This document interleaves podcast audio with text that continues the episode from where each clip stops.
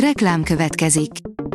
Ezt a műsort a Vodafone Podcast Pioneer sokszínű tartalmakat népszerűsítő programja támogatta. Nekünk ez azért is fontos, mert így több adást készíthetünk.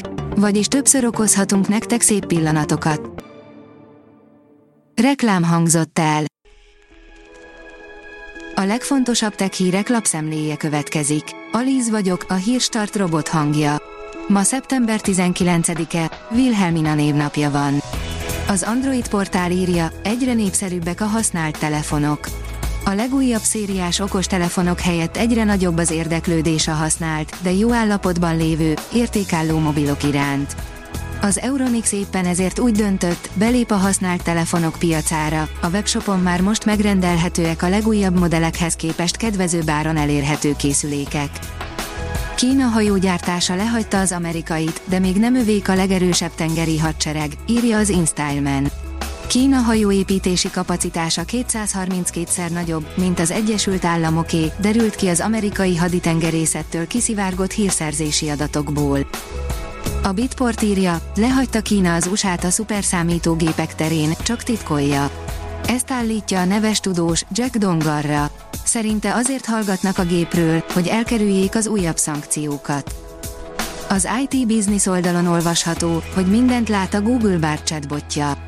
Gmail, Drive, Maps, YouTube, Flight, mindenhol keres a Google mesterséges intelligenciára alapozott digitális segédje, a Bard. A minden eddiginél alaposabb kiszolgálásnak ára is van, az adataink. Hatalmas büntetéssel sújtotta az Európai Unió a TikTokot, írja az igényesférfi.hu. A kínai videó megosztó nem az előírásoknak megfelelően kezelte az EU területén élő kiskorúak adatait. A rakéta szerint felháborodásba és halálos fenyegetésekbe torkolott egy fejlesztői szoftver árváltoztatási kísérlete. A Unity nevű szoftver, amelyet rengeteg fejlesztő használ, hogy gyorsabban és olcsóbban tudja elkészíteni a játékait, árazási struktúrát akart váltani, ám végül részben elálltak a tervüktől. Az mmonline.hu oldalon olvasható, hogy egy éve indult a Telekom Craft Agency. Érdemes márkaként bátornak lenni, fiatalokkal együtt dolgozni, bevonni őket, és a kezükbe adni az irányítást, vallja Cabányi Enikő, a Telekom social media és PR szakértője. A PC World szerint nem áll le az erődemonstrációval az Nvidia, jön az RTX 5090 egy évvel az RTX 4090 megjelenését követően elkezdtek szivárogni az adatok a lehetséges utódról, és bár egyes paraméterek erősen kétségesek, várhatóan egy szörnyeteg lesz az újdonság. A Refresher.hu írja, hamarosan megnyílik az első, humanoid robotokat tömegesen előállító gyár. Az amerikai Agility Robotics az Oregoni szállemben nyit gyárat, ahol a Digit nevű humanoid robotokat állítják majd elő. A Robofab nevű üzemben évente több mint tízezer robot készülhet majd. A 444.hu szerint Musk fizetősé tenné az X-et. A világ leggazdagabb embere szerint csak havidíjjal lehet küzdeni a kamuprofilok ellen. AI, a jövő dolgozója, írja a Behavior. Sok cég munkaerő leépítéssel próbál profitot emelni.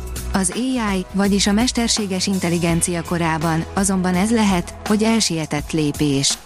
Cikkünkben megmutatjuk, hogy milyen más, hatékonyabb és jobb megoldások vannak. A Márka Monitor oldalon olvasható, hogy robotfűnyírók állítottak fel magyar rekordot a Gellért hegyen. Egyedi magyar rekord született a Gellért hegy jubileumi parkjában, a Husqvarna Magyarország egy óriás szívet nyírt a közpark gyepébe és így felállította a legnagyobb robotfűnyírókkal gyepben nyírt alakzat hazai méretrekordját. Az ismeretlen automatizálás a mesterséges intelligenciával, írja a Transpec. Bemutatkozik a Siemens legújabb mesterséges intelligencia alkalmazása, ami paradigmaváltást hozhat a komissiózásban. A Hírstart tech lapszemléjét hallotta.